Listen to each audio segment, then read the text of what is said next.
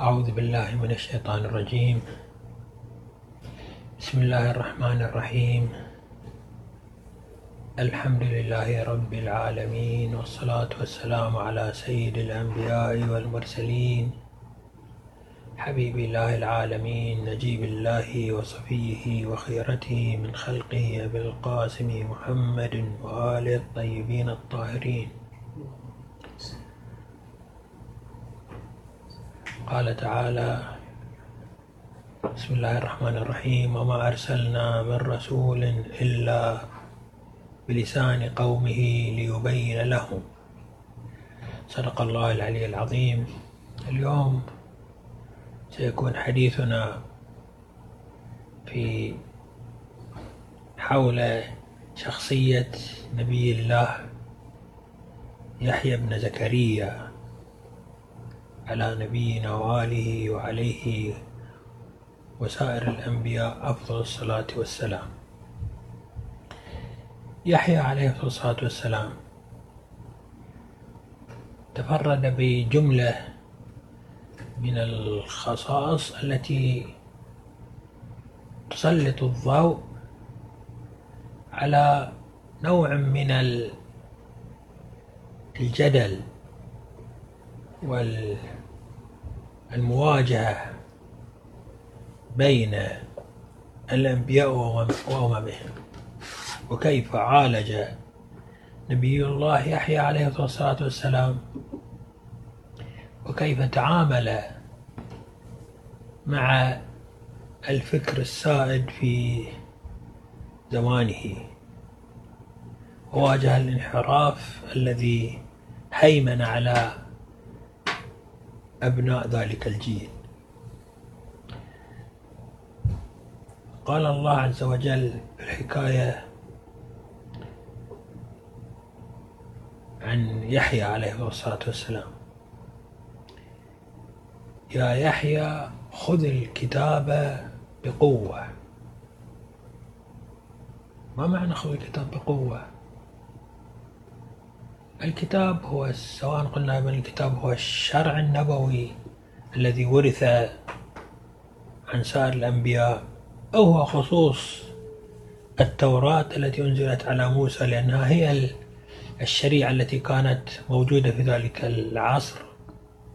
والكتاب المقدس الذي كان في ذلك الزمان حيث أن يحيى عليه الصلاة والسلام كان يحمل رسالة النبي السابق وهو الرسول السابق وهو موسى عليه الصلاة والسلام. كيف يأخذ الكتاب بقوة؟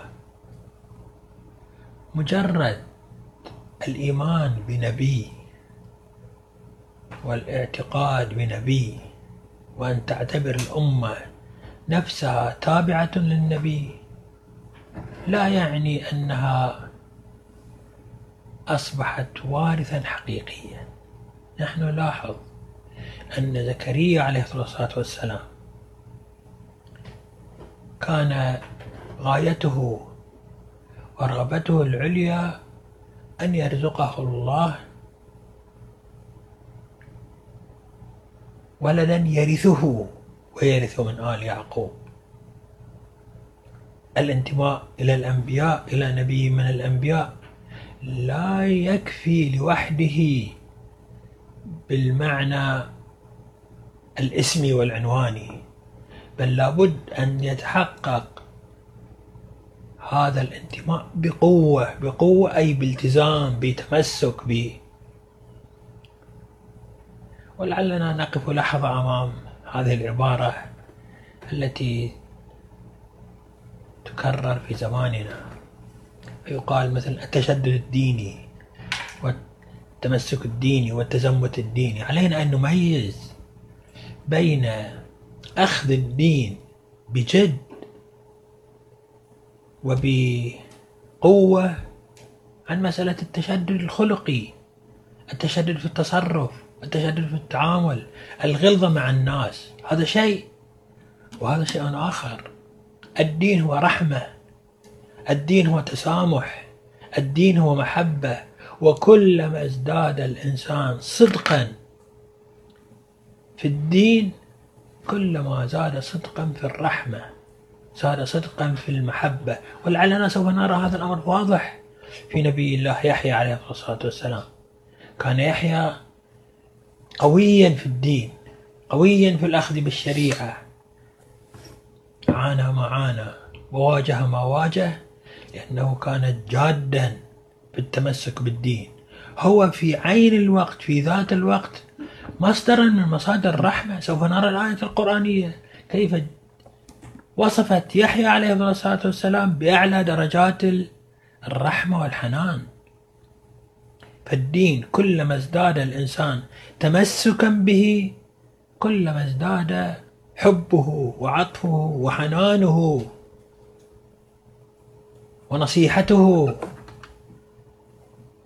للأمة للآخرين. فهذا المصطلح الذي يكرر على الألسنة في يومنا الحاضر هو نوع من التلاعب بالألفاظ والتضييع للفكر الحق. يقال بأن فلان متشدد في دينه فلان ويقصد به أنه إنسان يعطي للدين حقه. بينما إعطاء الدين حقه والتمسك به لا ينشأ منه إلا الحب والخير والعطاء والرحمة والهداية والأخذ بأيدي الناس ومن عنده قابلية إلى المسيرة الحق. لعل هذه الخصلة التي توضح خاصية نبي الله يحيى عليه الصلاة والسلام. يا يحيى خذ الكتاب بقوة وآتيناه الحكم صبيا.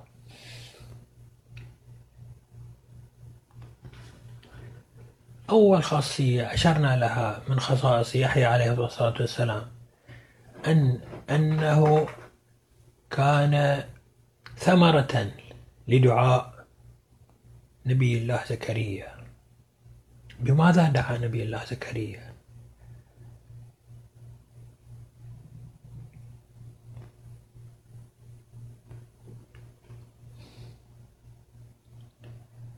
يرثني ويرث من آل يعقوب.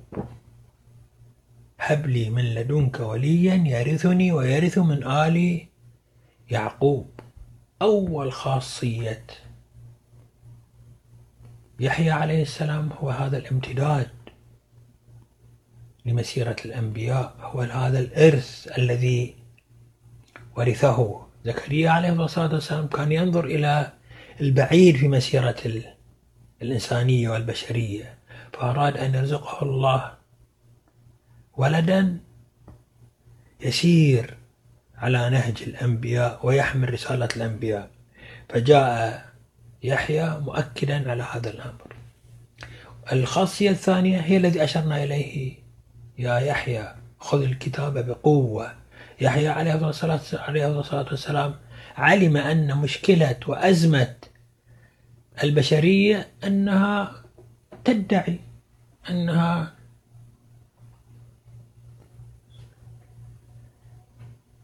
تصف نفسها بأنه من أتباع الأنبياء. ولكن لا يبالون بحقة الدين ولا بمعاني الدين ولا بأهداف الدين ولا بمقاصد الدين وإنما يأخذون عرض هذا الأدنى هذه الظواهر الشكلية من الدين هي ما يعملون به. أما عمق الدين مقاصد الدين فهي فهي بعيدة عن إرادتهم. يحيى عليه الصلاة والسلام كان يركز ويؤكد على البعد الروحي والمعنوي والحقيقي والتطبيقي للدين. الثالثة واجعله ربي رضيا. ارضى عنه. اجعل عمله مطابقا لما تحبه وترضاه. والرابعة حينما جاءته البشرى يا زكريا إنا نبشرك بغلام اسمه يحيى. لم نجعل له من قبل سميا لم يكن هناك اسم يحيى لا ليس معروفا في الأمم السابقة ولا عند بني إسرائيل. هذا التفرد في الاسم. هذه التسمية الربانية ليحيى عليه الصلاة والسلام ليست مجرد تس... تفردا لفظيا بل إن الشخصية التي امتاز بها يحيى عليه الصلاة والسلام شخصية أنارت من جانب الإنسانية بعدا خاصا. حاولنا أن نوضح كيف جمع يحيى عليه الصلاة والسلام بين القوة في الدين وروح المحبة والعطاء بصورة أجلى وأوضح بصورة جلية وواضحة. طبعا جميع أنبياء الله عز وجل هم يمتلكون هذه الميزة وهذه الصفة ولكنها في يحيى هي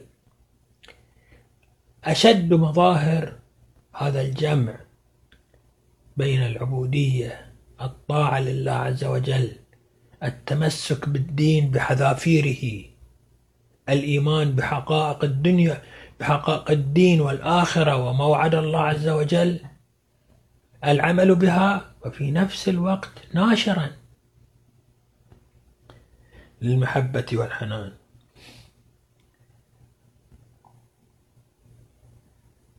الصفة الخامسة الخاصية الخامسة. وآتيناه الحكم صبيا نشأ يحيى عليه الصلاة والسلام حاملا هذه الروحية منذ صباه الصفة السادسة وحنانا من لدنا وزكاة وكان تقيا. هذه الخصلة العبودية الصادقة لله عز وجل. زكاة التقوى. العبودية الصافية لله عز وجل. السابعة وبرا بوالديه. برا ب... كما أن حنان يحيى رحمة يحيى في عبوديته في مع والديه وبرا بوالديه. ظهرت هذه الرحمة من يحيى عليه الصلاة والسلام. عبوديته أورثته هذا هذه الرحمة وهذا التعامل الزكي الطاهر مع والديه. ولم يكن جبارا عصيا. ليست فقط رحمته مع والديه وإنما حتى مع سائر البشر مع الناس. ولم يكن جبارا عصيا ما كان في تعامله يتعامل مع الناس بالتعالي والتكبر باعتباره نبي ابن نبي ومن بيت أولياء طاهرين.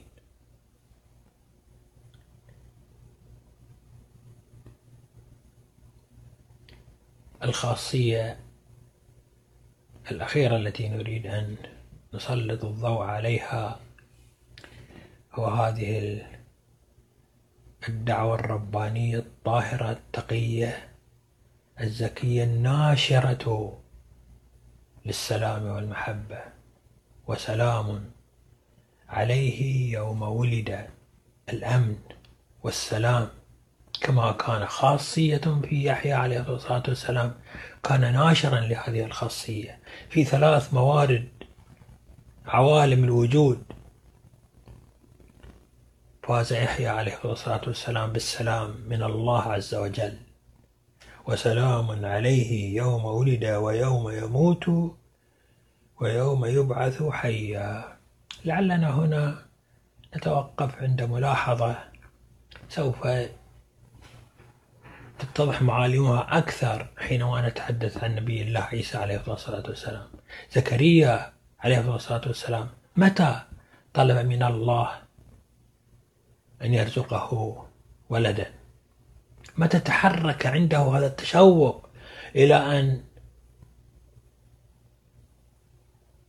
تظهر معجزة ربانية؟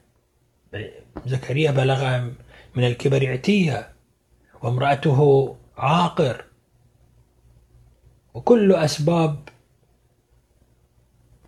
الانقطاع عن الولادة كل أسباب عدم إمكانية الولادة متوفرة ومع ذلك زكريا عليه الصلاة والسلام حينما شاهد مريم يرزقها الله عز وجل الخير والرزق في أوانه وفي غير أوانه يأتيها رزق من الله عز وجل. كلما دخل عليها زكريا المحراب وجد عندها رزقا قال يا مريم أنى لك هذا. من أين جئت بهذه الخيرات؟ كيف أصبحت؟ كيف أصبح عندك هذا الخير وهذا الرزق؟ قالت هو من عند الله. إن الله يرزق من يشاء. إنه يرزق من يشاء. بغير حساب. هنالك دعا زكريا ربه. زكريا عليه الصلاة والسلام اشتعلت. روح الأمل وروح الإيمان بالله عز وجل. هو يعلم أن الله عز وجل على كل شيء قدير.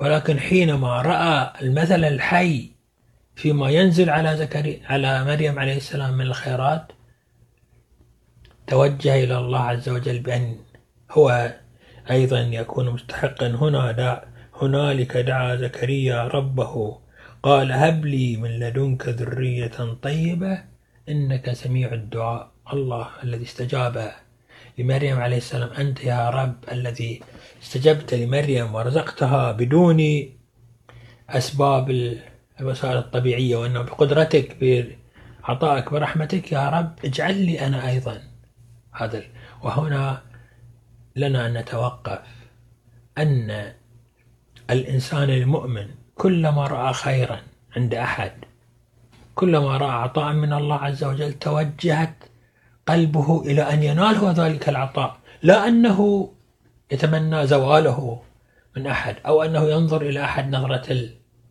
وأنه هو أيضا يأمل أن يكون أهلا لذلك الخير. ونلاحظ كيف أن الله عز وجل في عطائه لزكريا أناله ما أنال مريم.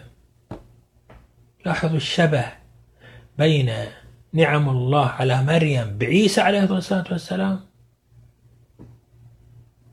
ونعم الله على زكريا بيحيى. ربما لا يسع الوقت للتفصيل بين ما ناله عيسى من الكرامات ما نالته مريم بعيسى عليه الصلاة والسلام مع ما ناله ما ناله ما ناله زكريا بيحيى عليه الصلاة والسلام. ولكن لا بأس بالمرور السريع. ففي يحيى قال الله عز وجل يا يحيى خذ الكتاب بقوة وآتيناه الحكم صبيا وحنانا من لدنا وزكاة وكان تقيا وبرا بوالديه ولم يكن جبارا عصيا وسلام عليه يوم ولد ويوم يموت ويوم يبعث. حيا قارن هذا بين ما جاء في عيسى عليه الصلاة والسلام. قالوا كيف نكلم من كان في المهد صبيا؟ هذا بالنسبة إلى عيسى فأشارت إليه. قالوا كيف نكلم من كان في المهد صبيا؟ قال أنا عبد الله. قال إني عبد الله. آتاني الكتاب وهو مهد وهو صبي في المهد. وجعلني نبيا. وجعلني مباركا أينما كنت وأوصاني بالصلاة والزكاة ما دمت حيا. وبرا بوالدتي حيث لم يكن له أب. ولم يجعلني جبارا شقيا. والسلام علي يوم ولدت ويوم أموت ويوم يبعث ويوم أبعث. حيا فمواصفات الرحمة الإلهية التي جعلت في عيسى عليه الصلاة والسلام.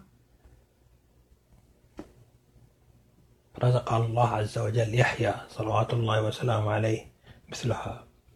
في الأخير كيف تصرف عيسى؟ كيف تصرف يحيى عليه الصلاة والسلام؟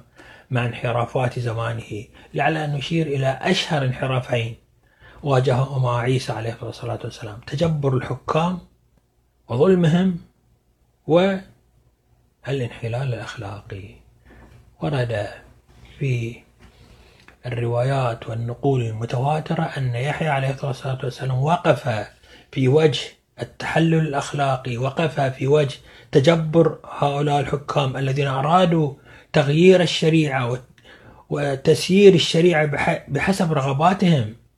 فذلك الحاكم أراد أن يخالف الشرع وأن يتزوج من أحدى محارمه وأراد من يحيى عليه السلام أن يجيز ذلك العمل ويعطيه الصبغة الدينية ويصححه دينيا. فرفض يحيى عليه الصلاة والسلام فكانت شهادة يحيى عليه أفضل الصلاة والسلام بسبب هذه المواجهة مع الانحراف الأخلاقي مع غلبة الشهوات مع غلبة الحكم مع غلبة التجبر غلبة ال... حتى شاء الله عز وجل أن يذهب يحيى شهيدا بين يدي الله عز وجل شهيدا إلى الله عز وجل بسبب ظلم وجور أبناء زمانه وأصحاب وأصحاب الملك والجبروت وعباد الشهوة. في زمانه نسأل الله عز وجل أن يجنبنا وإياكم الوقوع في براثن التجبر والتكبر والعبادة للشهوات والسير خلف الشهوات وأن يجعلنا وإياكم من الناجين باتباع مسيرة الأنبياء والتمسك بسيرة المصطفى وآله الأطهار صلوات الله وسلامه عليهم أجمعين. والحمد لله رب العالمين وصلى الله على محمد وآله الطيبين الطاهرين.